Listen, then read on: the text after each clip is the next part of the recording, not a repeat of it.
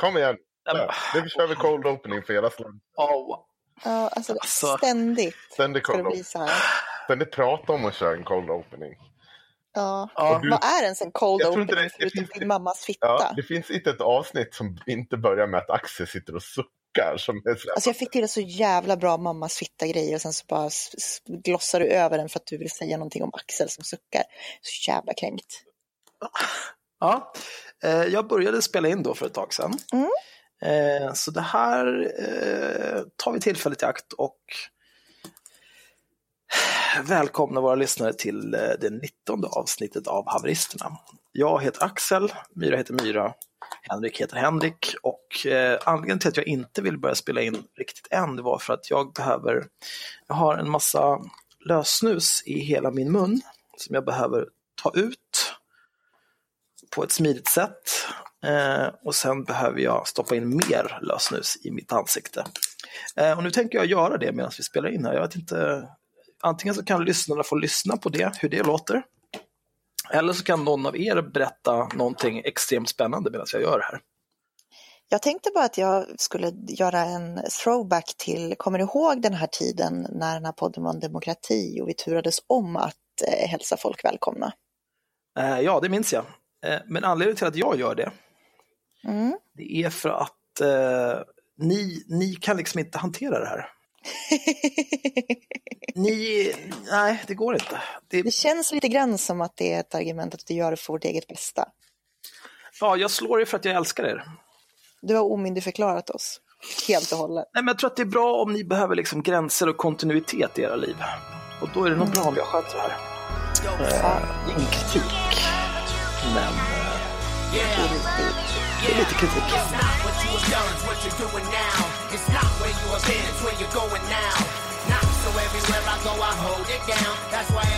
Och vad vill ni börja prata om idag då?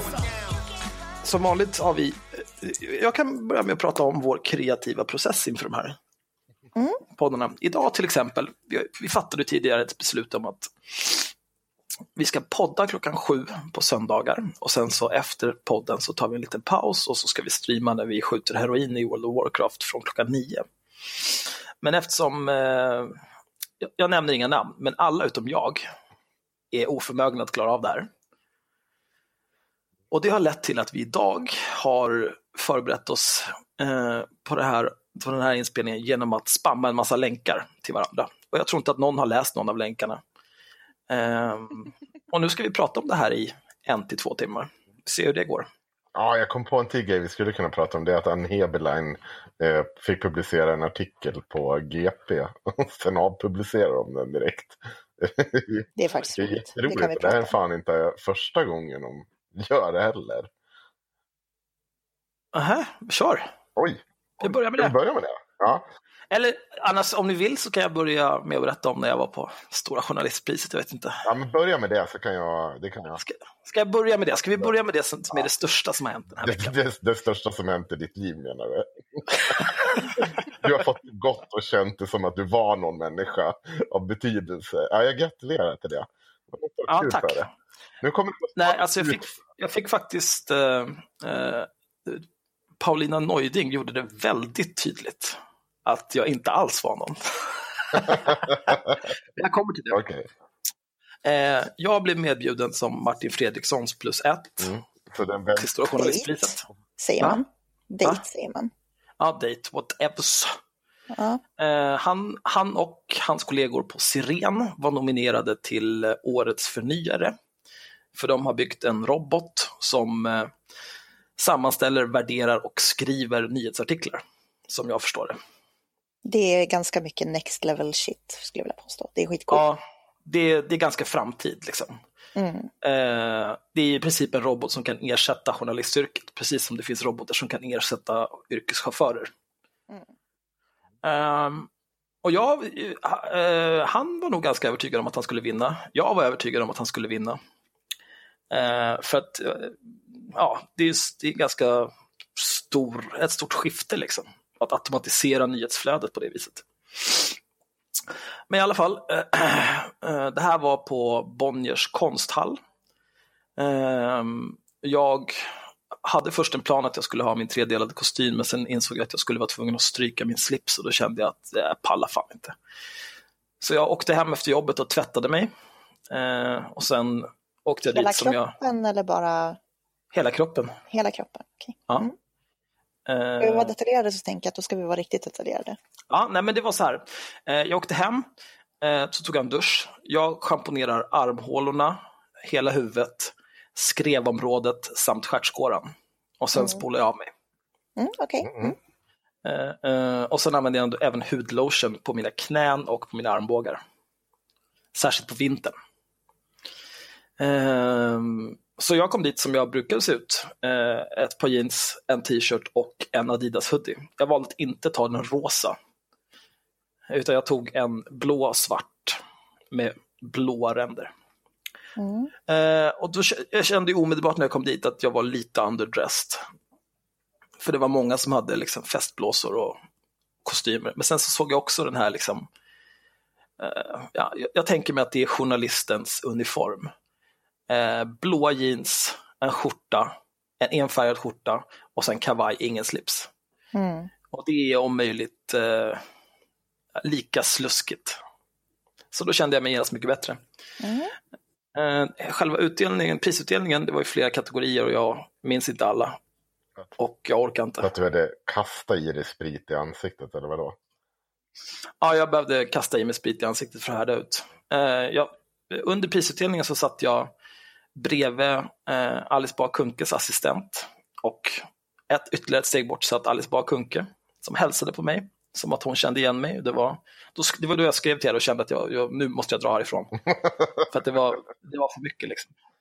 Ja, först hade jag någon teori om att hon hälsade på dig för att liksom, du är hennes black brother. Eh, men, sen, men sen kom jag på, Fan racist alltså.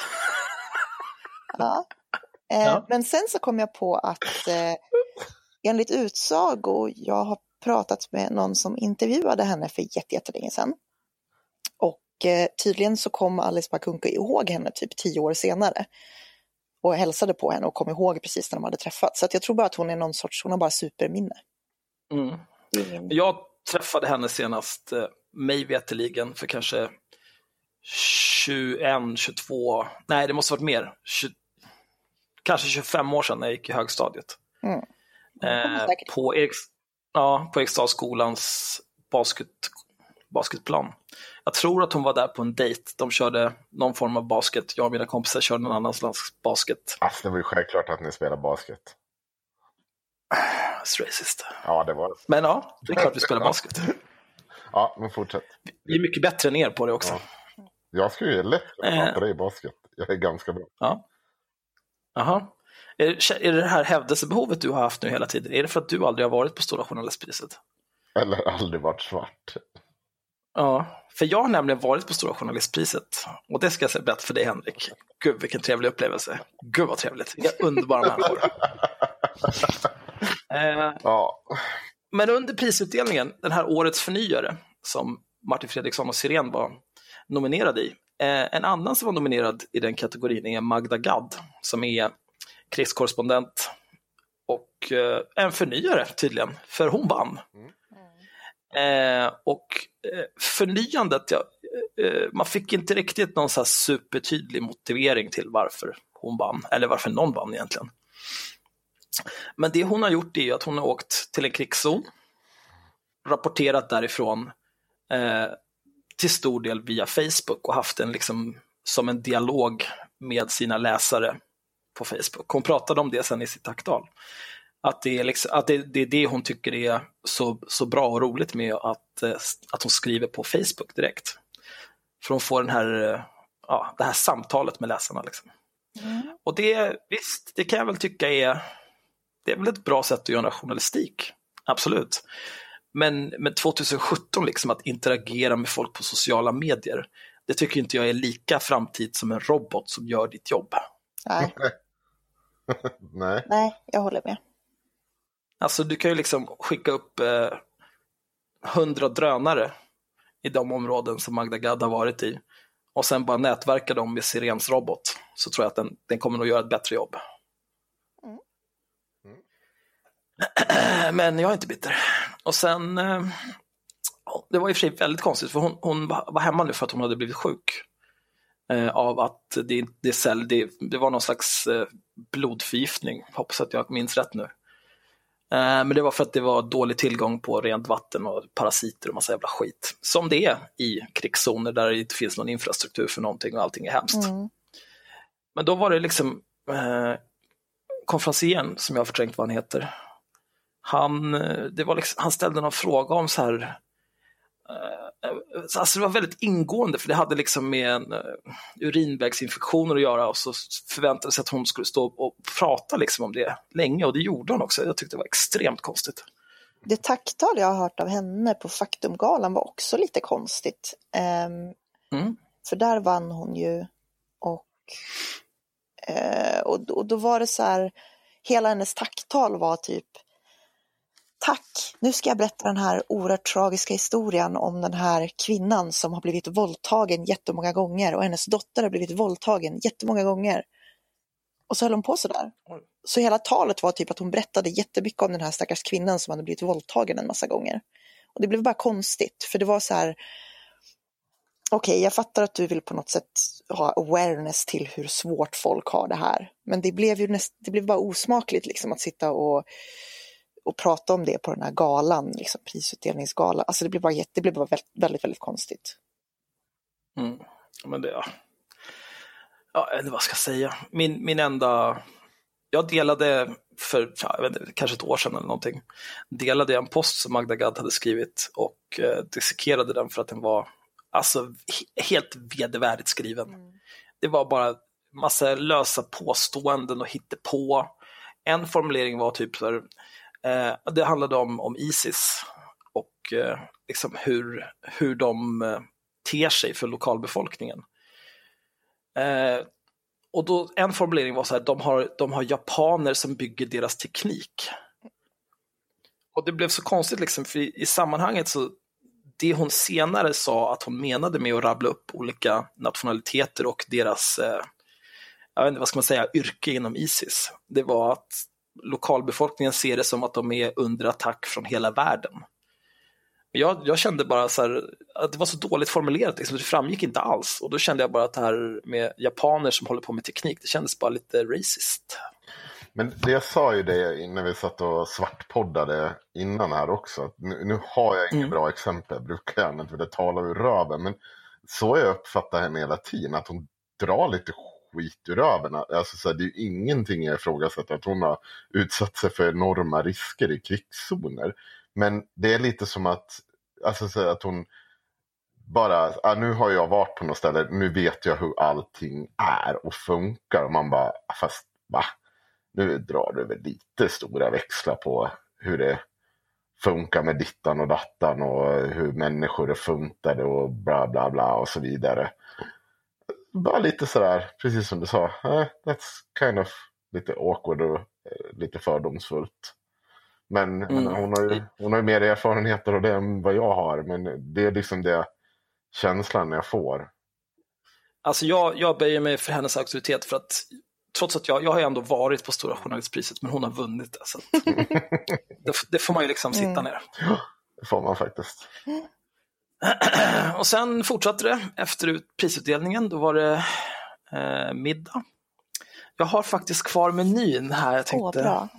Jag är, Människa, det låter ju som du aldrig har fått bli utbjuden på middag tidigare snart. Alltså. Men det är ingen som bjuder ut mig på någon jävla middag. Varför ska de göra det för? Ja, det- Senast jag blev utbjuden på middag, det var efter att vi hade gjort, eh, när jag jobbade på G Moneybank, numera Santander. Då gjorde vi en uppgradering av eh, hur jävla många Windows 7-datorer som helst till Windows 10. Tog en hel jävla helg och var helt vidrigt. Sov typ fyra timmar per dygn. Men efter det, då blev vi bjudna på fin middag i Gamla stan. Trevligt. Mm. Jag har tyvärr inte kvar menyn från den kvällen. Men... Men jag tänker vi tar menyn här eh, från Stora Journalistpriset som jag var på i torsdags.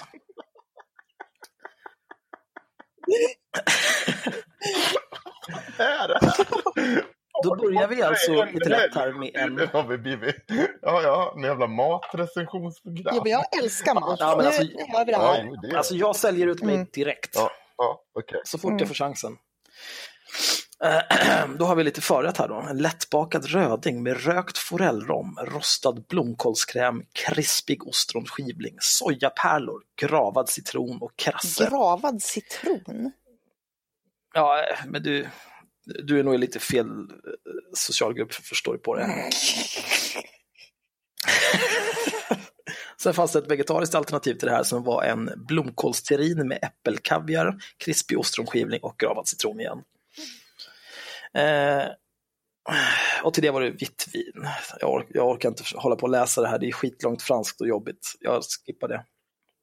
Eh, Sen har vi huvudrätten, stekt gödkalvsentrecote.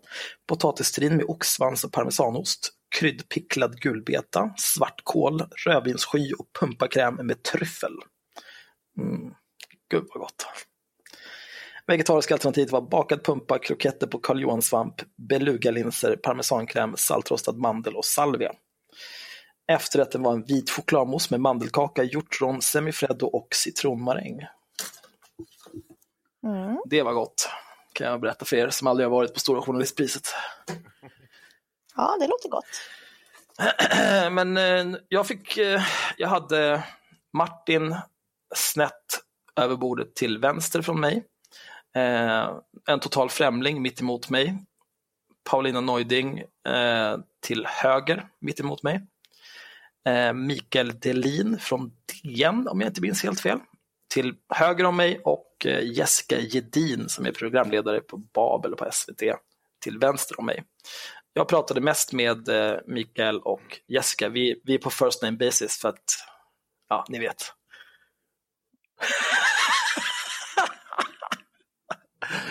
men, men det där... Eh, Paulina gjorde en jävligt rolig sak. Paulina Neuding får jag väl säga, för vi är nog inte riktigt på first name basis. Men hon, efter ett tag så eh, lutade hon sig fram över bordet och frågade var jobbar du? För det är ju liksom en, en branschmiddag. Liksom. Eh, så det handlar ju inte så mycket om vad folk jobbar med eftersom alla är journalister, utan mer var. Och då sa jag, ah, jag jobbar med, jag jobbar med IT. Eh, och, men det var så jävla vackert för att då så här, då, då nickade hon bara lite lätt och så lutade hon sig tillbaka. Då var hon klar liksom. Jag tyckte att det var vackert. För att hon, hon insåg att varför ska jag lära känna honom för? Han är en loppa. Tyckte jag var fint. Mhm. Mm. Och sen var det fest. Då fick man eh, dricka sprit. Eh, vad fan heter hon? Silvana Imam sjöng två låtar. Det var sådär. Mm. Men det var kul att se kanske ett av de vitaste rum jag har varit i stå headnodda till någon tjej som rappar dåligt. Oj. Men överlag så var det en väldigt trevlig kväll. Kunde inte du ha sagt att du kom från haveristerna? Nej, varför ska jag säga det för? Det är väl ingen som vet vad det Varför, är. du, kan ju, du kan ju hora ut det överallt på alla andra sätt, så varför inte här? Men för att det är ingen som bryr sig. Amen. Inte Du får ju få dem Ja, att bry sig. precis. De ska börja läsa oss. Eller lyssna på oss, vad fan säger jag? Jaha. Ja. Jag berättade för... Nej, jag berättade inte för någon. Du skulle ha sagt att du var med i IRM. Ja, Det tror ju alla ändå. ja det tror jag alla ändå. Det är fan fruktansvärt. Ja, Men kan vi, kan vi hylla Jessica Edin lite grann? absolut. Hon var jätterolig. Mm. Jag älskar ju henne för att hon är en av de få människor i Sverige som är så här ogenerat pretentiös. Mm. Jag tycker att det är jätteskönt. Alltså för annars är det alltid så här, tänk om SVT, så här, folk på SVT, så ska det vara så här folkligt och så. Men hon skiter i det. Hon är, hon är bara superpretentiös. Jag tycker, Ja. att det är, jag tycker att det är charmigt. Jag tycker att det är beundransvärt. Ja, jag tyckte också att hon var extremt äkta.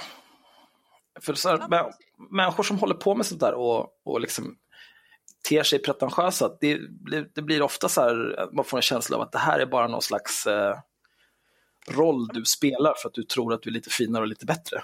Eller vill verka för mer på något vis. Men jag, fick inte alls det intrycket av Jessica Nej, hon är, hon är bara sån. Ja. Det känns väldigt genuint. Jag, jag älskar henne för det som sagt. Jag tycker att det är så skönt att någon kan sitta på så bästa sändningstid i SVT och bara så här vara ogenerat pretentiös som sagt. Jag tycker att det är eh, väldigt hjärtevärmande och väldigt fint. Jag har faktiskt inte sett ett enda avsnitt av Babel, men jag blir tvungen att göra det nu. Jag fick också ett boktips av henne. Jag måste köpa den. Vad var det för bok då? Eh, vi ska se. Jag skrev upp det för att jag visste att jag skulle glömma det. Kärlekens historia av Nicole Kraus. Ja, det är bara att köpa. Förhoppningsvis finns den till Kindle. Är det något mer? Var det något mer du kände att du? Nej, nu, nu har vi pratat här i en kvart om att jag har varit på Stora Journalistpriset. Så att jag tror att alla, både ni två och våra lyssnare är medvetna om att jag har varit på Stora Journalistpriset. Jo och att jag hade det väldigt trevligt när jag var på Stora Journalistpriset. Mm. Förhoppningsvis så blir väl eh, Siren nominerade nästa år så att jag får gå på Stora Journalistpriset igen. Stora Journalistpriset. ja, du lär inte bli medbjuden om Henrik någonsin blir nominerad. Det har du ju säkerställt nu. Nej, men han kommer å andra sidan aldrig någonsin bli nominerad till Stora Journalistpriset. Nej, jag tror faktiskt inte heller det. Inte för att Henrik inte är duktig, för det är han, utan mer för att han tenderar att göra sig omöjlig i alla städade rum. Jag skrev en artikel om det idag. Nästa krönika. Börjar- Att du gör dig omöjlig. Ja, att jag börjar med att konstatera att jag är elefanten i... Nej, just det. Vänta, det kom inte nog med i den sista versionen. Jag, jag skrev någonting om att jag är elefanten i porslinsbutiken när det kommer till partipolitiska sammanhang.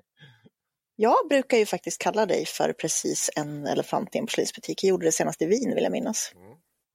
Ja, så det stämmer. Jag kan bekräfta att detta är sant. Du går i god för det. Eh, sen har ju vi varit på annan finkultur, Axel, också. ja, det har varit en extremt kulturell vecka. Mm. Inte nog med att du har varit på Stora Journalistpriset, vi har ju även varit på Dramaten, du och jag. Ja, visst. Ja, här ringer det. Här ringer det. Ja, nej, det där tar vi inte. Det vet jag inte vad det är för jävla nummer. Förmodligen någon från säkert Granskning Fa- Sverige. Fab- Fabian Fjälling som ringer och är psykotisk. Säkert. Orkar inte. Eller Diesel. Ja, diesel ja. Hur gick det med det där? Jag frågade ju dem för någon vecka sedan eh, på Twitter, jag fick aldrig något svar. Diesel är ju då någon som eh, har ringt och betett sig jävligt illa i Granskning Sveriges namn. Och sen eh, när det outades, då helt plötsligt så var det folk som hade kommit hem till honom och misshandlat honom. Och det var, de var helt övertygade om att det var, de var utskickade av inte rasistmän. Och Eller att vi skulle ha läckt hans personuppgift. För vi fick, tog, fick reda på vem det var. Eh, det var ganska lätt. För han var jättedålig på att vara anonym. Och då var ju historien skulle ju vara det att det hade dykt upp maskerade män hemma hos Diesel och det måste vara IRM som låg bakom. Att vi hade antingen skickat ut några vänsterextrema, för det var ju klart att de var vänsterextrema, ungefär som de här som hällde kola i Rebecca Wells brevlåda. Ja. Eh, eller så hade vi golat ut honom till vänsterextrema. Eh, ja, det har ingenting att göra med att han är ja, yrkeskriminell som säljer knark och är en sopa. Nej. Men vi sa ju Det det. kan omöjligt ha med det att göra. Men eh, vi sa ju att de skulle skicka diarienummer på anmälan. Men det kom ju aldrig något sånt. Nej, vad märkligt. Ja, Ja, men det var en liten passus ner i socialgrupp 3, men nu ska vi tillbaka upp i socialgrupp 1, tillbaka till Stora Journalistpriset och Kungliga Dramatiska Teatern. Behöver man kunna Vi- föra sig finrum för att vinna Stora Journalistpriset? Kollar de av? Nej, det tror jag inte. Jag Men jag kan ju jag kan höra med mina kontakter, jag har ju ändå... Du har ändå varit där, så att säga. ändå... Jag börjar bli lite störigt. Ehm, ja, jag Axel var på... Henrik, Ja, men du får stänga av ljudet på telefonen, kom igen. Det här är anledningen till att du aldrig kommer inbjuden, bli inbjuden till Stora Journalistpriset. Det här, är, det här är precis varför nej, du kommer mitt under prisutdelningen ringa upp någon sverigedemokrat och bara stå och skrika på bordet. Here I come. And now my boys are surviving. I'm spreading through the internet like poisonous ivy. Or a virus. Or a forest fire. Nej, jag och Axel har varit på Dramaten och sett Muslim Band. Eh, den har ju varit väldigt hett debatterad här för att det började talas om att en av eh, personerna som hon hade castat, eh, Amerika Vera Sevala heter hon va?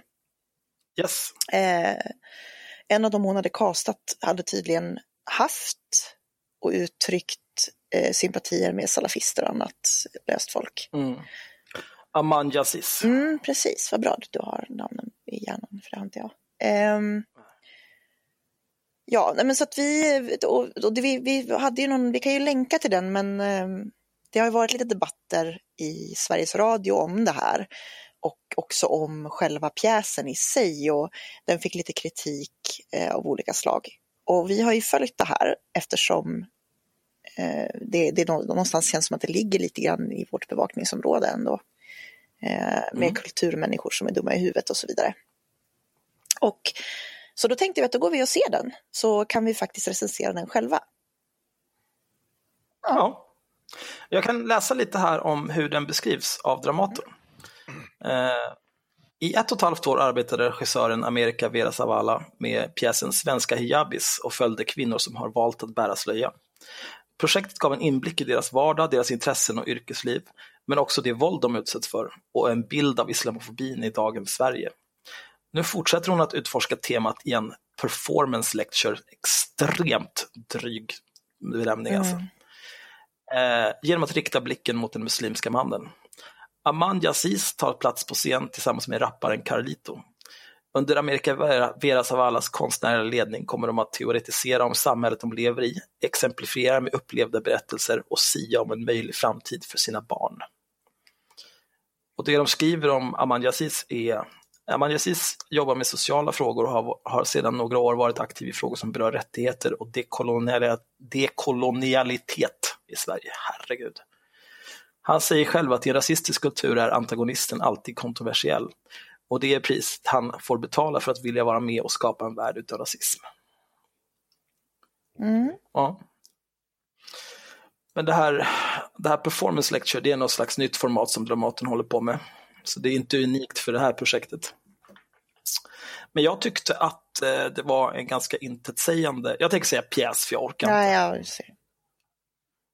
Det var ganska intetsägande. Det, det är eh, Aman Yazis som alternerar med Carlito. Aman Aziz eh, berättar anekdoter ur sitt liv med början från födseln.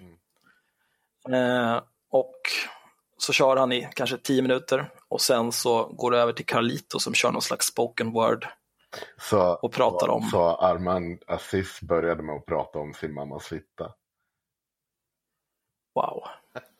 Ja, jo, så kan man säga det. Va? Men du sa ju från födseln.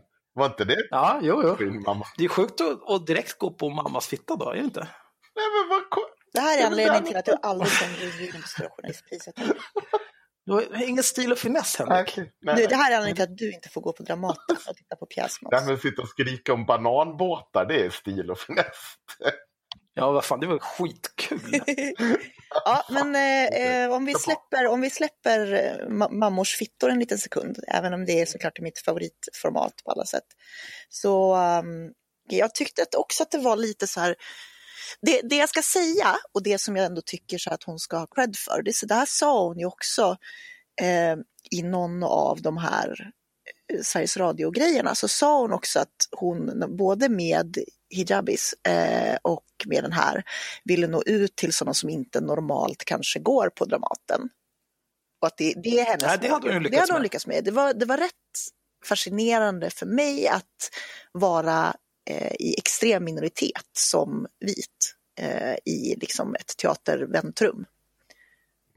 Det är rätt Mm. ovanligt. Så, att, Det är så ovanligt. att där kände jag ändå så här, men det var, det var, liksom, det var schysst. Ehm, sen så har jag inte Alltså den kritik jag har läst och som jag ändå känner så här lite att jag kan instämma i, det är att det blir, de drar ingen riktig skillnad mellan eh, rasism och islamofobi, alltså eller till exempel eh, man nästan sätter likhetstecken mellan att vara brun och att vara muslim. Mm. Och det blir ju liksom eh, extra konstigt när det är, Aman Yazis är ju i princip vit. Ja, han är väldigt blek. Och Carlito är Ja, också alltså, väldigt blek. Ja, eh, inte, de, de skulle kunna se ut som vilka två svennebananer som helst som just har kommit hem efter en vecka på Mallorca. Möjligtvis. Mm. Ja, de är inte svarta Men någon av dem. Liksom. nej, de är inte ens bruna. Mm. Och, och det var mycket snack om eh, bruna och svarta kroppar sammanvävt med det här tjatet om islam. Mm. Och det, det presenterar ett problem för mig eftersom jag, inte, jag är eh, lite mörk under ögonen, men jag är inte muslim. Och jag uppskattar inte det här eh, att liksom Islamofobi är ett problem och rasism är ett problem, men det är liksom det är separata problem. Visst, det finns, eh, det finns överlapp, men alla muslimer är inte bruna och alla bruna är inte muslimer.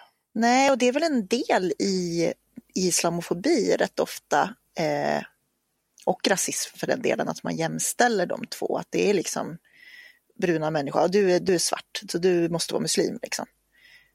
Eh, Ja, det blir ju, de, de bidrar ju bara till den där idiotin med, med det upplägg de har. Ja, och sen kan jag känna lite sådär att det blir, eh, vi pratade ju om det här efteråt, men det, blir, det kan bli lite konstigt också med den här, det här snacket om islamofobi. För det, jag ifrågasätter inte alls att det finns islamofobi, absolut finns det det. Sen kan jag kanske tycka att, nu har ju hon gjort en sån pjäs redan, eh, men jag hade ju kunnat tycka att det hade varit mer intressant att se en kvinna i slöja till exempel.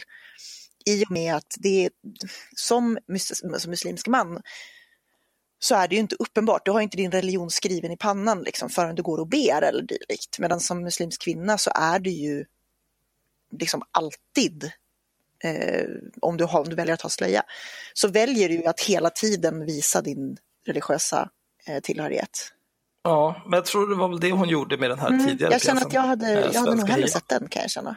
Eh, Ja, det hade nog varit mer Mm. intressant faktiskt. Eh, Men om man bortser från det då, så det han berättade, alltså mycket av det han berättade, och jag kan helt köpa det här att visst, muslimska män framställs som monster, de framställs som eh, att de är väldigt hårda och på så sätt så finns det en poäng i det hon gör, att visa den här mjukheten, vilket hon gör genom att låta dem prata om sina barn och liksom hur det är att vara pappa och det tar ju fram det mjuka i människor på något sätt.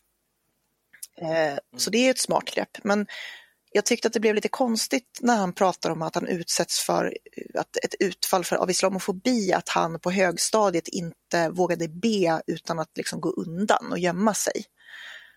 Och då tänkte jag så här, ja men fan när jag gick på högstadiet och då växte jag upp i Norrland, på landsbygden, eh, området där jag bodde som barn så var det väldigt mycket pingstkyrkisar. Liksom. Så det var inte ovanligt att folk tillhörde kyrkan på olika sätt. Men hade en vit människa liksom försökt be till Gud på, i, liksom i, i uppehållsrummet på rasten på högstadiet så hade de mobbats sönder. Det är inte så kanske så mycket ett utslag av islamofobi som det är ett utslag av att vi lever i ett väldigt sekulärt samhälle där religion generellt ses som ganska töntigt. Och vara töntig är ju, är ju dödsstraff på på högstadiet. Absolut. Jag, jag kan också tycka att hela det här med att, att visa att de är ömma och kärleksfulla och människor genom att, eh, att de pratar om sina barn, det är liksom så här, är lite lågt hängande Mm. frukt liksom. För att eh, jag tror du kan nog ta den värsta människan på jorden, den personen tycker nog också om sina barn. Mm. Och det, liksom, det, det bevisar inte så jävla mycket. Nej. Jag tyckte som sagt, alltså jag, har ju, jag har sett ganska mycket och det här får man ju återigen, nu får man ju liksom ha som disclaimer att hon kanske inte tänkte att hon skulle nå ut till en publik som går på teater väldigt mycket, att det liksom inte var anpassat för den målgruppen och då, då är det ju okej. Men jag som har sett en del teater och jag som har sett en del antirasistiska föreställningar och föreläsningar och allt möjligt kände väl lite så här att ja, ja, det här har vi sett förut typ. Men det är klart att om man inte är typen som Mm. går på teater så kan jag också tänka mig att eh, då har man ju inte sett det tusen gånger förut. Nej. Men vad kom ni fram, alltså så här, eh, vi- pratade ju, vad heter han, eh, som vi pratade om förra gången. Eh, han heter, Alen heter han ja, precis. Han har ett sånt jävla knepigt utlandsnamn, det går inte att komma ihåg. Men han eh, sa ju, påpekade ju det här med att eh, han pratade ju, han särskilde just det här med islamofobi och postkolonial teori och grejer. Han menar ju på att det var ju inte så mycket om islamofobi, Nej. utan det var ju med att de blandade med just postkolonial teori och sånt där. Sen kontrade ju då mycket hon Amerika eh, med att det var ju faktiskt eh, Carlitos uttalande som han hade lyft upp här och det var ju inte Armand och att eh, han skulle, de hade en överenskommelse om att han skulle sitta tyst till tills föreställningarna var över, då fick han uttala sig. Jag vet inte varför, men vi lär väl få höra varför. Ja, det han, han säger, det som var lite intressant är att han säger i pjäsen att han, det finns en annan i Sverige med samma namn som jag som har haft kopplingar till extremister, säger han vid något tillfälle. Eh, och att han, och han säger så här, jag har fått motta dödshot och så för att, för att eh, på grund av det här.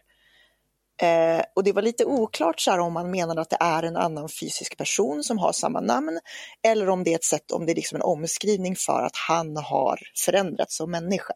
Ja, men, men jag, det funnits ganska många artiklar. Nalin Pekul skrev till exempel en, en artikel om mm. eh, Amanj och tyckte att han var extremt problematisk det... på diverse olika sätt. Det... Så jag, jag, jag, jag tänker anta att det är han. Om det är så det skulle ju vara ett unikt grepp. Det skulle ju vara ett publicistiskt haveri av både oss och många andra. Eh, ja, det skulle ju eh, vara väldigt bra och, trollning av America Venezuela om det är så. Ja, det skulle, det skulle jag nog vara villig att erkänna. Men eh, jag vet inte om alltså, blir så jävla mycket bättre med tanke på att Carlito är ju en vaken.se-människa som sitter och försvarar Danny M för sin sina antisemitiska utspel och dittan och dattans. Ja, ja men det som vore jag intressant... vet inte. Man har ju haft ganska lite fokus på Carlito Jo, men alltså det som vore lite intressant det, det... som ett grepp, alltså om det här nu är sant, så om vi säger att det här är en annan person med samma namn, så skulle ju det, ja. att, för att jag tänker på att, för, hade det varit så, då hade ju hon kunnat säga det i ett ganska tidigt skede, men det är en annan, det är en annan person med samma namn, det, det har hon inte gjort. Eh, en bra trollning hade ju varit om hon medvetet inte hade gjort det och för att visa just på att det räcker med att du har samma namn som någon så antar man att jaha, men då är du extremist. Men det är extremt svagt. Alltså... Ja, det är ju extremt svagt. Då har man ju bara gjort någonting väldigt fel i den grundläggande researchen, för det fanns ju bilder där också. Ja, men det är också så här, det är väl rimligt att anta, alltså om någon, om jag reser tillbaka till 40-talet och får höra talas om en, en kort man med mustasch som heter Adolf Hitler. Mm. Då kommer jag ju dra slutsatser om vilken Adolf Hitler är. Ja, alltså, jag, jag säger, jag säger, jag säger det skulle kunna vara så. Det skulle kunna vara ett stort prank. I pranked you bro. Ja, då får, då, får, då får man ju helt enkelt gå ut och be om ursäkt för sig. Alla kan vi göra fel. Men eh, om man försöker dra det som att det skulle vara en rasistisk slutsats, då är man ja, ju Jag vill bara säga att, att om hon gör det så har vi ja, ja. övervägt den.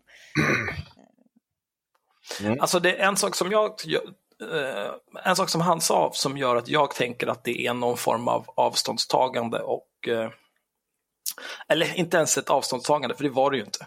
Utan han säger bara, det finns en annan person som har samma namn som jag som har anklagats för bla bla bla. Eh, och jag har mottagit hot på grund av det. Mm. Eh, jag vet inte vad som hände med honom, men jag, jag hoppas mm. att det går bra för honom. Säger han. Eh, och, och det får mig att tro att det är han, men att han, jag vet inte, att det där är något superkonstigt sätt att vända blad. Det är inte ett avståndstagande. Liksom. Det, det är att säga att det är en annan person. Liksom. Jag vet inte, det känns mer som någon sorts det, det, här ska bli spännande. Det här, det, nu har vi en anledning ja, att följa upp det här också. Mm. Eh, han Alen som du sökte namnet på heter för övrigt Så. Alen Musaifendic. Eh, men ja, nej, men jag tyckte väl att jag tyckte väl att, att jag kan hålla med till viss del om att liksom Kalit, alltså det var mycket så här, ja, staten, alltså att, att staten höll högerextrema om ryggen för att de får demonstrera, att eh, han berättar historier om att eh, vänner till honom blev först misshandlade, de som först blev misshandlade av högerextrema.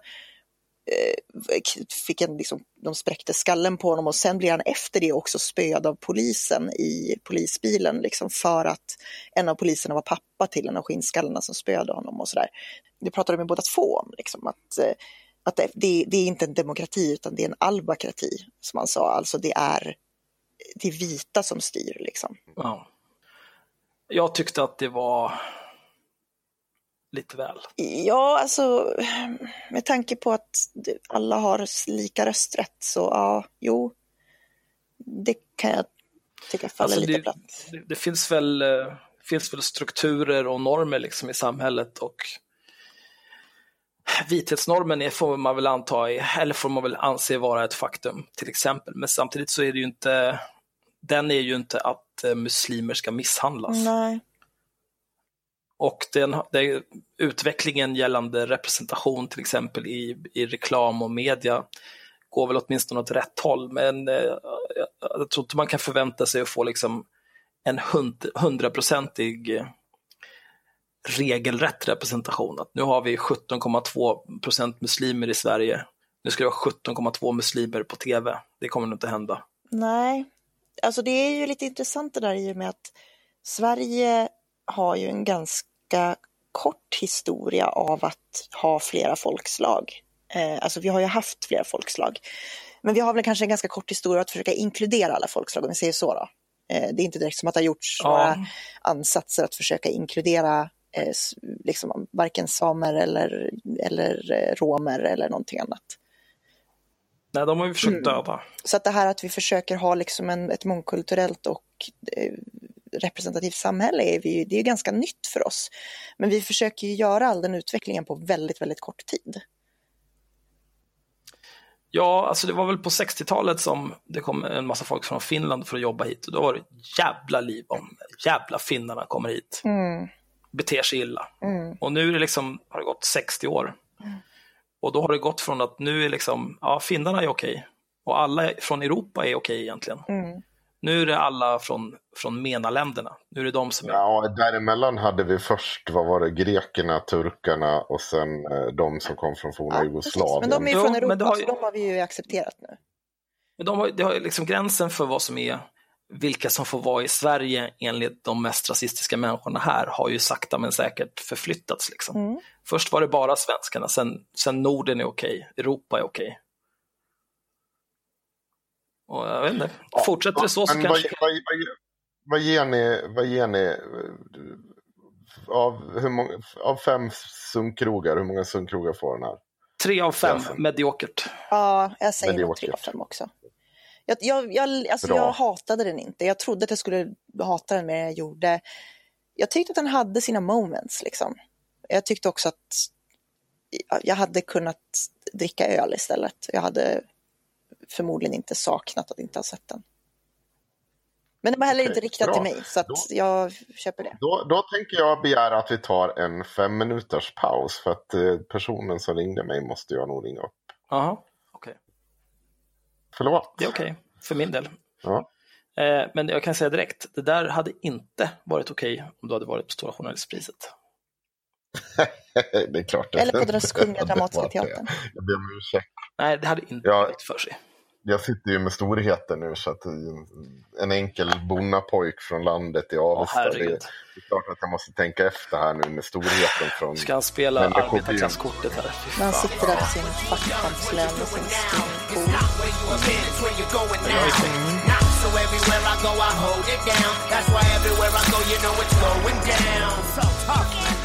vad har vi mer att prata om då? Nej, men vi kan väl prata om det där som du blev avbruten med nu, Henrik det här jättekonstiga som hände på SDs landsdagar. Ja, just ja. Ja, ja. Ja, de var ju fjälliga som De var ju fjälliga på många sätt. Eh, några av motionerna ja. var ju väldigt spännande.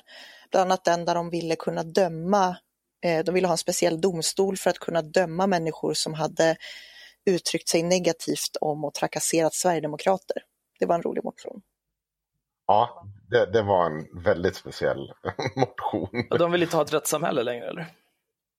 Nej, de vill ha en speciell domstol. De tycker att de, det är så många oförrätter som har begått dem så de vill ha en sanningskommission med en speciell domstol kopplad till sig som ska kunna straffa människor som har då betett sig illa som på ett sätt eller annat mot SD. Men, men ja. vad är det för fel på de vanliga domstolarna, vanliga rättsväsendet? det tyckte visserligen också SDs partistyrelse att det här, det, det, vi har ju ändå så ett rättsväsende som fungerar.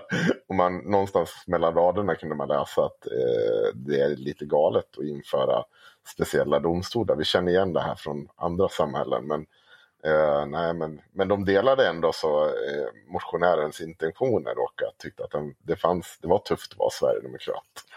Men eh, nej, det, det, det skulle vara speciella domstolar som inrättades. Så han var väldigt påstridig. Jag hörde hans anförande om det. Han tyckte att det var och det var ju någon annan som var på tyckte så här, likadant. Och det var inte vem som helst utan det var Gäst Göteborg också, deras ledare. Det är ju ingen liten förening. Nej, det är inte Örkelljunga. Mm, nej, det är det inte. Ja, jag vet inte om jag tycker, jag tycker det felläste det var det, det här att de ska, bli, eh, de ska dra in medborgarskap om någon blir arbetslös. Det är så jävla urbota, förbannat jävla dumt och den här människan får sitta kvar. Eh, det är liksom, det är vansinne.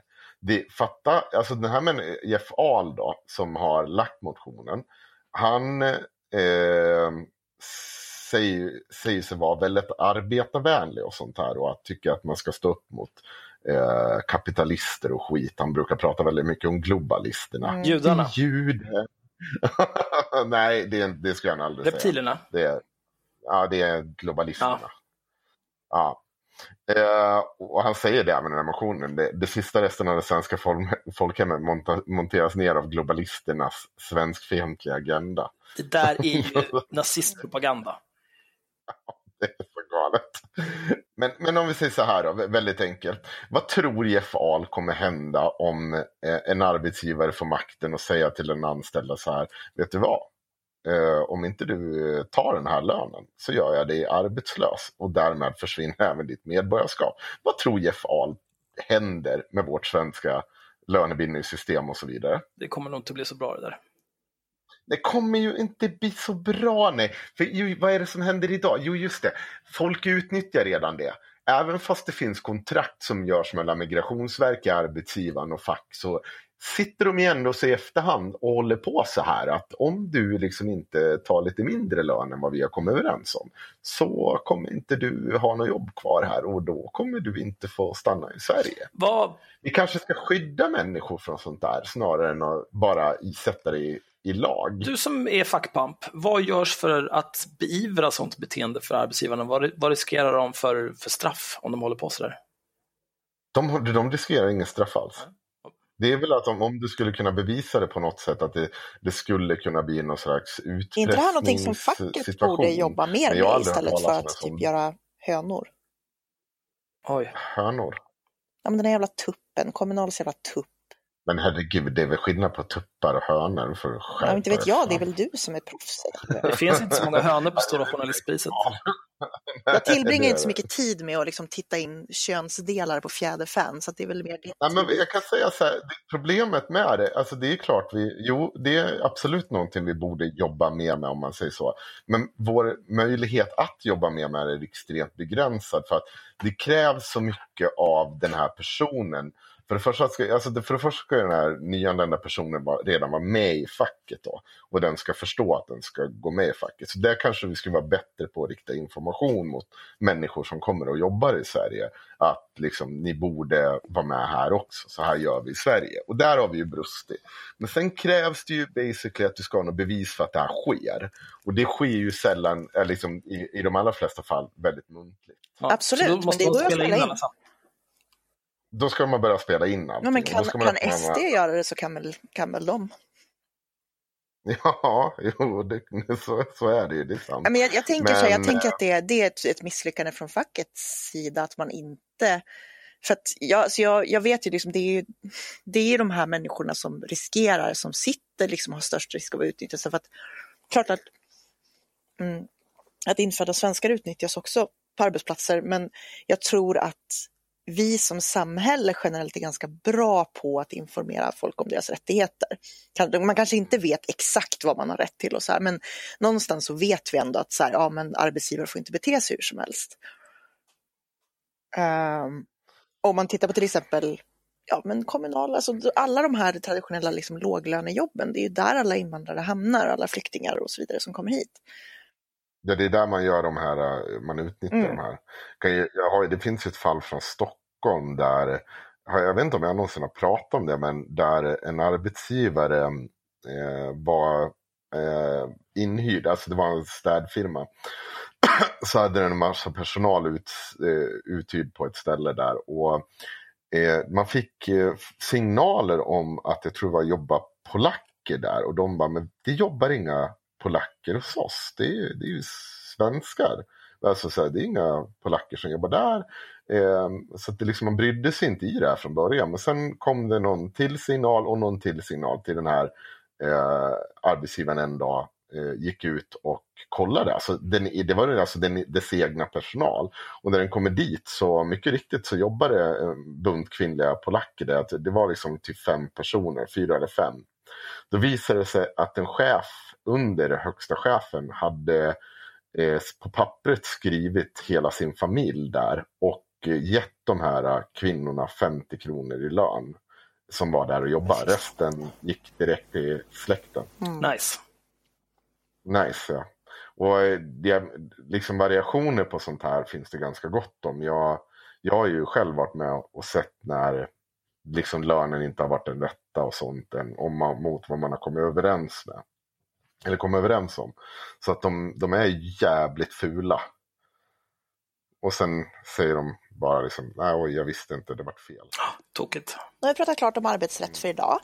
Um, mm.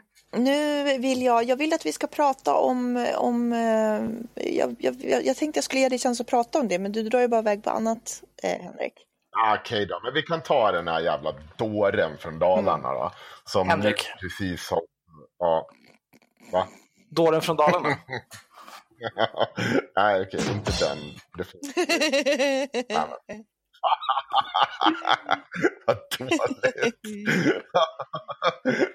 ja, men vi kan väl börja med vad som hände och det hände ju igår eftermiddag kväll var det. När Martin Strid bestämde sig att gå upp och slåss lite för den svenska kulturen på SDs landsdagar. Och med till sin hjälp hade han ju då sitt yviga kroppsspråk och sina långa armar som han snabbt sträcker ut och säger att det här är en skala eh, där vi har till vänster här eh, 100 procent eh, människa, en human person. Och på andra sidan här har vi 100% Mohammedan.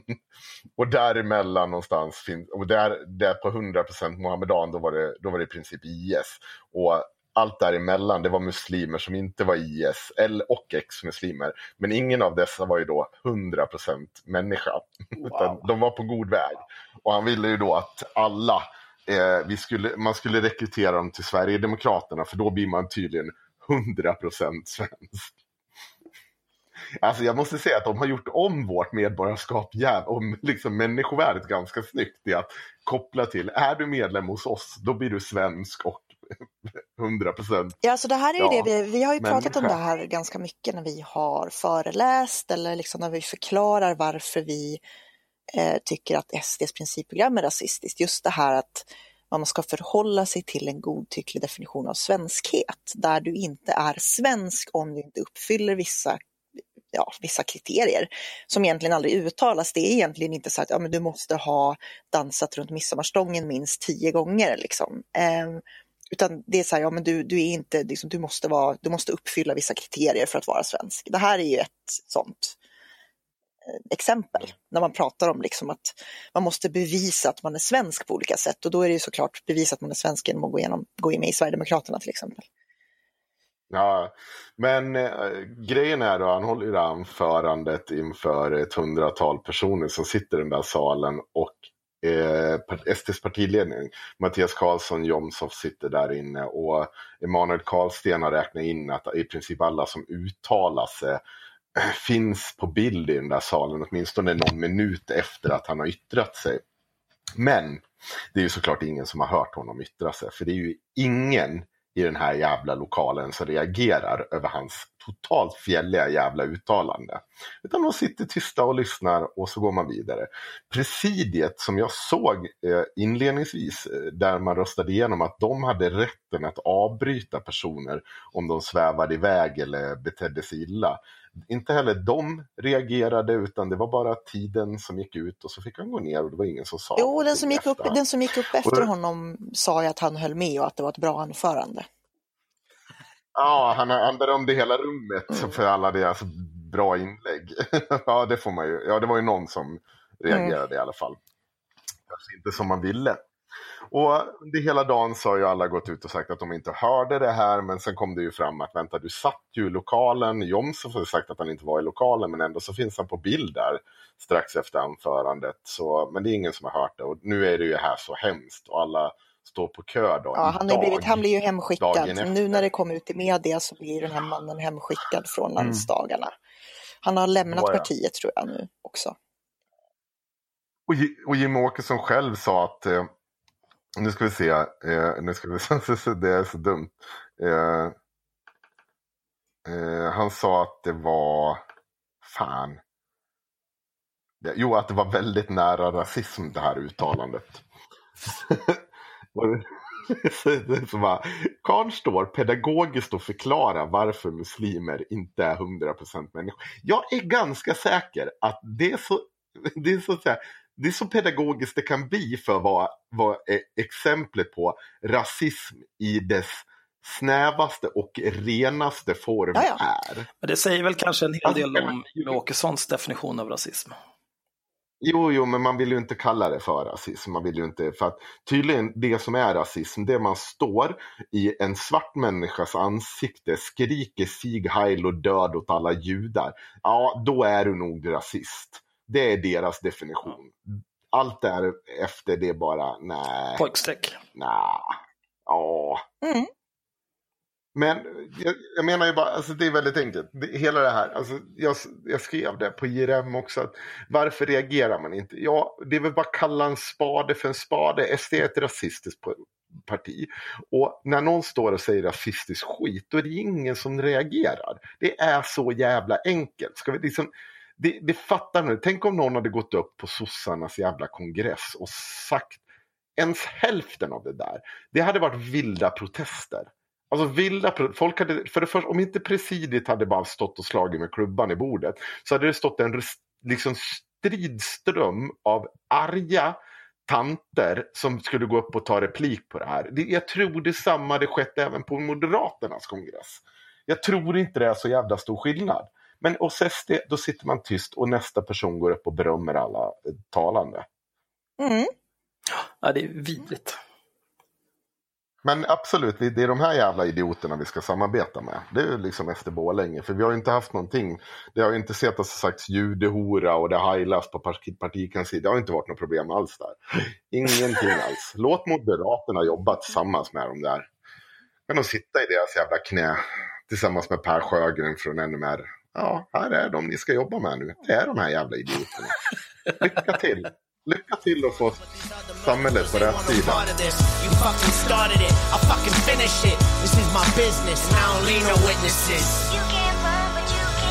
Ja, men nu när vi ändå kom in på eh, de, de som är öppet nazister, eller nationalsocialister. Eh, de ska ju bygga ett eh, dagcenter eller sanatorium. Mm. Eh, jag har läst om det främst på Expo, men jag har sett lite annat också. Eh, och det här handlar alltså om, jag ska se här vilken som är lämplig att läsa. De har bildat en förening kan man säga.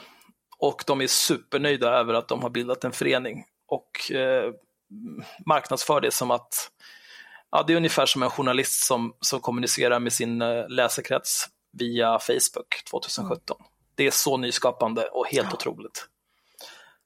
Eh, föreningen Det fria Sverige leds av Dan Eriksson från det högerextrema poddprogrammet Motgift och Ingrid Karlqvist från Ingrid Konrad, ett annat poddprogram med samma ideologiska inriktning. Andra styrelsemedlemmar är Daniel Plockepinn Frändelöv, eh, Magnus Söderman från Motgift och Rob, Robin Hall- Holmgren som deltagit i gatuaktioner tillsammans med Nordisk ungdom och även tjänstgjort i Azov-regementet i Ukraina tillsammans med andra svenska högerextremister. Av presentationen att döma vill föreningen skapa ett allaktivitetshus för högerextremister med café, gym, radio och tv-studio, bibliotek och lekplats. Detta beräknar man ska stå klart inom ett år. Var i landet det ska ligga är inte bestämt än. Och då har de då på tre års sikt utlovats flera allaktivitetshus i Sverige och även social verksamhet. Man nämner fastighetsköp för att erbjuda hyresrätter till svenskar, vilket bör tolkas som personer som delar föreningens ideologi. Det här står då på Expo. Eh, det första jag tänker på är de ska bygga allt det där, då kommer de behöva köpa något jävla ruckel någonstans. För de har ju ingen deg. Nej. Och sen måste de De ligger renovera på, det. I nuläget ligger de på 31 900 kronor insamlade av en miljon. Ja. Mm. Ja, det kommer, hur länge har insamlingen varit igång? Ja, det är ett par dagar va? Är, är det, man, man bara swishar direkt till någon av de här idioterna eller har de någon slags Jag kickstarter? vet faktiskt eller? inte, jag var bara inne på hemsidan och noterade det här. De, hade, de släppte ju det här den 25 så att det, det, det, har, det har inte så lång tid. Men ehm, ja, Nej, jag vet. Ja, men då är det ändå 31 000 på ett dygn. Idag är det den 26 november för övrigt, kära lyssnare. Men eh, alltså, när man gör något sånt här, då kommer det ju alltid mycket pengar i början. Ja, precis, jag tänker det också. Mm. Ja, Och jag menar, 31 lax, eh, jag, menar, jag, jag har tjänat mer än så på kryptovalutor de senaste månaderna, så jag vet inte, jag är inte imponerad. Jag tänker att, ehm, jag tänker att miljonen är ganska långt borta. Eh, Den är långt borta. Och även om de får ihop pengarna så ska de på ett års tid hitta ett hus, köpa ett hus, renovera ett hus så att det fungerar som eh, med café, gym, radio, tv-studio, bibliotek och lekplats. Och sen ska det liksom, nej men det är inte, det är inte realistiskt. Alltså jag vill gå dit. Jag vill liksom ha en hel dag där. Alltså vara där och bara umgås med de här människorna. Bara se hur det kommer vara. Ja, det kommer nog vara ganska deppigt tror jag. Ja, det, det gissar jag på. Det måste vara ungefär som Ingrid Konrads podd klockan tre på Mm. natten. Ja, En massa, en massa, en massa, en massa le- ledsna män i 20-årsåldern som sitter och gnäller på invandrare. Jag tror att, Ja, vad ska de med den där lekplatsen till för övrigt? Det är väl ingen av de där som har lyckats Jo, det finns ju hon Octomom. Hon har ju Mm. åtta ungar. det är väl till henne. Men det är ju Ja. det, det, är ju det de gör, nazisterna. Nazistkvinnorna. De, De, försöker ta över, de försöker ta över Sverige med livmodern som vapen. Ja, för fan, det är helt sjukt. Men eh, jag har en till sak som jag tänkte läsa om det här. Eh, det som Mattias Våg har skrivit, eller skrev igår på Twitter. Eh, såg Motgift och Ingrid Konrads presskonferens om deras nya stora projekt. Måste ränta lite. Deras stora plan var alltså att de startar en förening.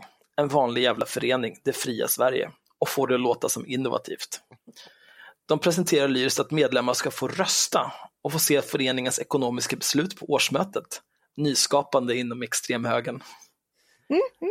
Det fria Sveriges utgångspunkt är att de redan förlorat, förlorat både Sverige och nätet.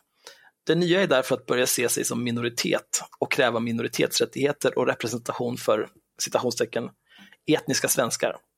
Identitetspolitik som förtryckt minoritet. S- Så vid sidan av till exempel svensk-grekiska och svensk-turkiska invandrarföreningar ska de funka som en svensk-svensk invandrarförening. Multikulturalismen given realitet. Eh, något Dan Eriksson lyfte i sitt inledningstal och sedan försöka skapa svenska enklaver i landet genom öppna Svenskarna hus. Eh, sen vet jag inte mycket mer av det här som är så jävla intressant. Nej, men jag kan länka den så kan vi få läsa resten av tråden själva. Det är egentligen, han, han sågar hela projektet och säger att det här är någonting som den svenska extremhögern har gjort förut. Det har fallerat varje gång på grund av inre stridigheter för att de är idioter. Mm. Och det är ju det, är- det är liksom eh, historien, det upprepar sig. Jag vart också så här, när jag såg det, jag bara, vänta, det här känner jag igen. Hur, hur har inte ni gjort Ja, men här, här är den. På 00-talet fanns en oberoende rörelse kring sajten Info 14. Allt gick bra tills de fick hybris och skrivbordsskissade fram organisationen Fria Nationalister ur denna spontana rörelse. Mm. Organisationen dog på något år. Mm. Dan Eriksson var ingenjören då också. Nu gör han samma plan igen. Kommer krascha lika snabbt som då. Åt sen upp av svenskarnas parti som kraschade och blev motgift. Och nu är, det, nu är vi inne på motgift. Liksom. Så nu kommer de, nu kommer de med, sin, med sina stora planer som är helt ogenomförbara.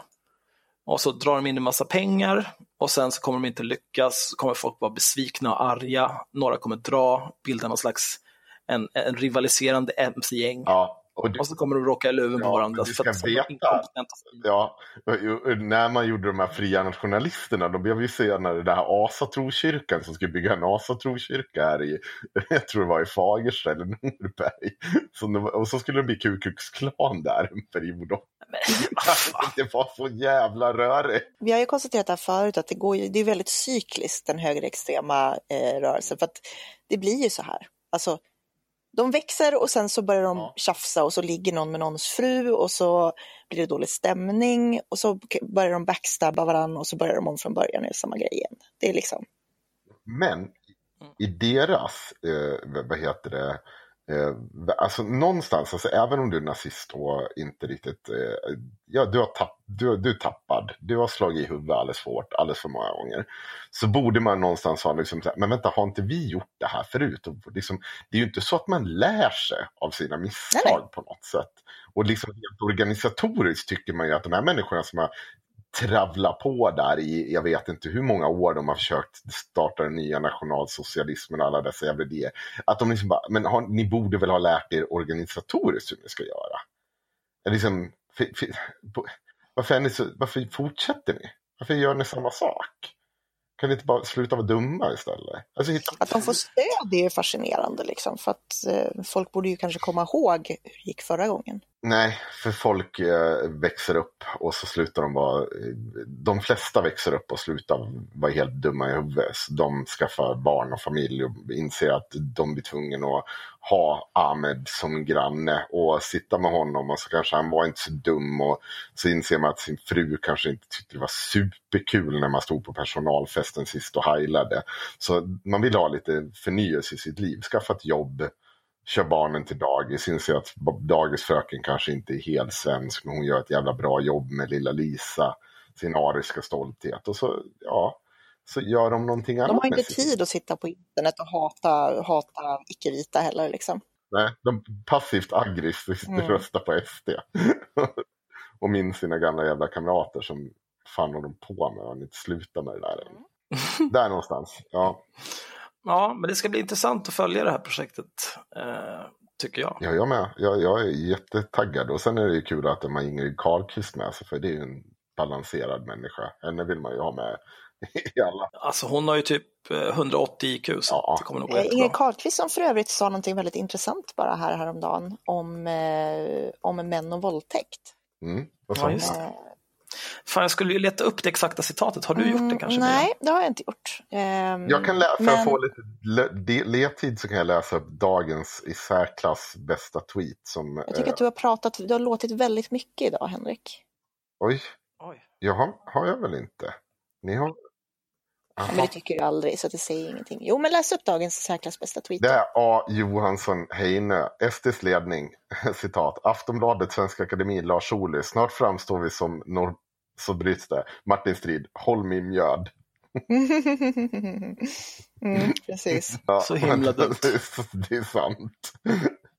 Får- Det, är, det är verkligen, de får verkligen den här jävla high-fiven med en jävla tvåtum fyra i plyte varje gång de liksom försöker som balanserade och sansade.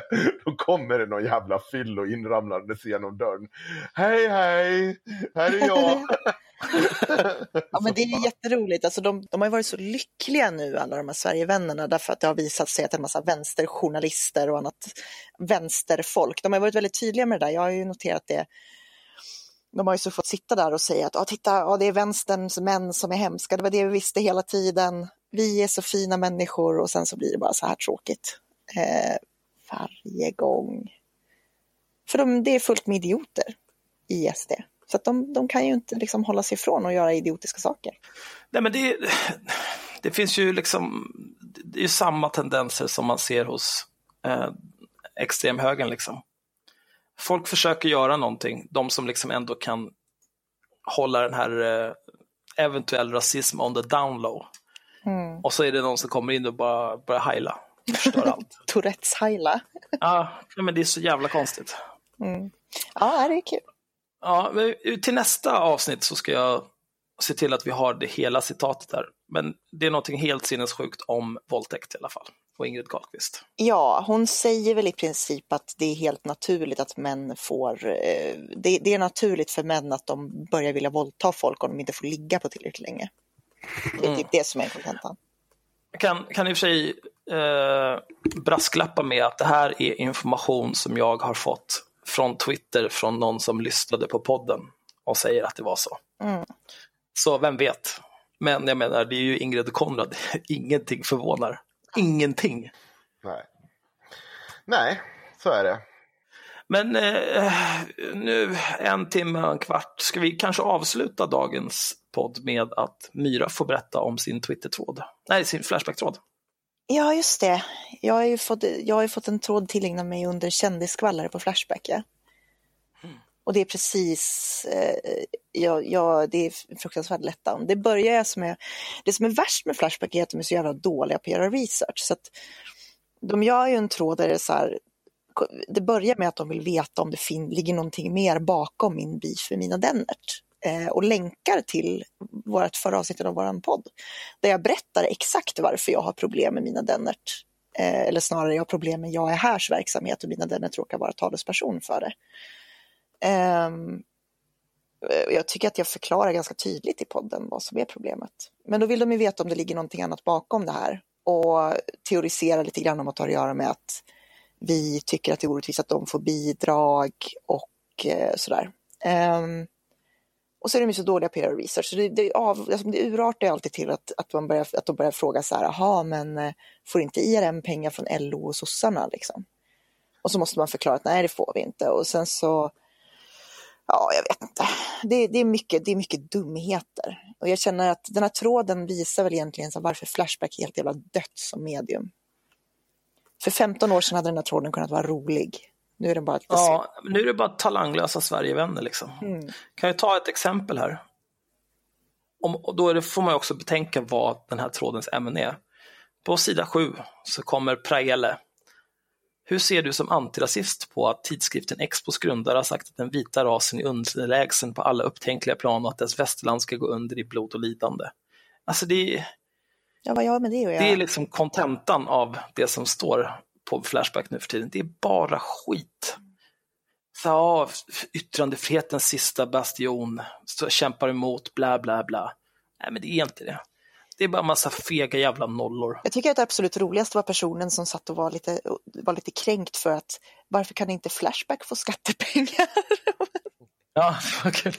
Men vet Och det var någon som skrev och bara så här, jaha, men varför, varför ska ni liksom, varför ska antirasistiska organisationer få skattepengar? Varför får inte Flashback skattepengar, skattemedel? Och jag bara, ja, har Flashback ansökt om några medel? Det är ju liksom en förutsättning för att man ska få. Men ja, jag vet inte vad jag ska säga. Nej, men det blir så konstigt för att allt de kan göra är liksom komma in med så här guilt by association och så säger de så här, ja, och så ska de typ jag vet inte, den senaste posten jag såg var det så här, du är snygg utan smink, men du måste sluta vara så här refugees welcome, för, du kan inte vara det och feminist typ. Jag bara, vad, Va? vad betyder det här ens? Ja, för det första, Nej, det för det första så har jag ju aldrig jobbat med den typen av antirasism. Liksom. Det är ju, det är ju kardinalfel ett. Jag har ju aldrig liksom stått och manifesterat för att liksom, ingen människa är illegal. Alltså jag har aldrig gjort den typen av, av aktivism. Jag har aldrig ens uttalat mig så mycket om vad jag tycker om invandringspolitik. Så det är liksom kardinalfel 1. Kardinalfel 2 är att man slänger in det där med, samtidigt med någon sorts så konstig bakvänd komplimang om att jag är snygg utan smink som är jättekonstig. Och sen att man inte kan vara feminist och vara för eh, invandring samtidigt också.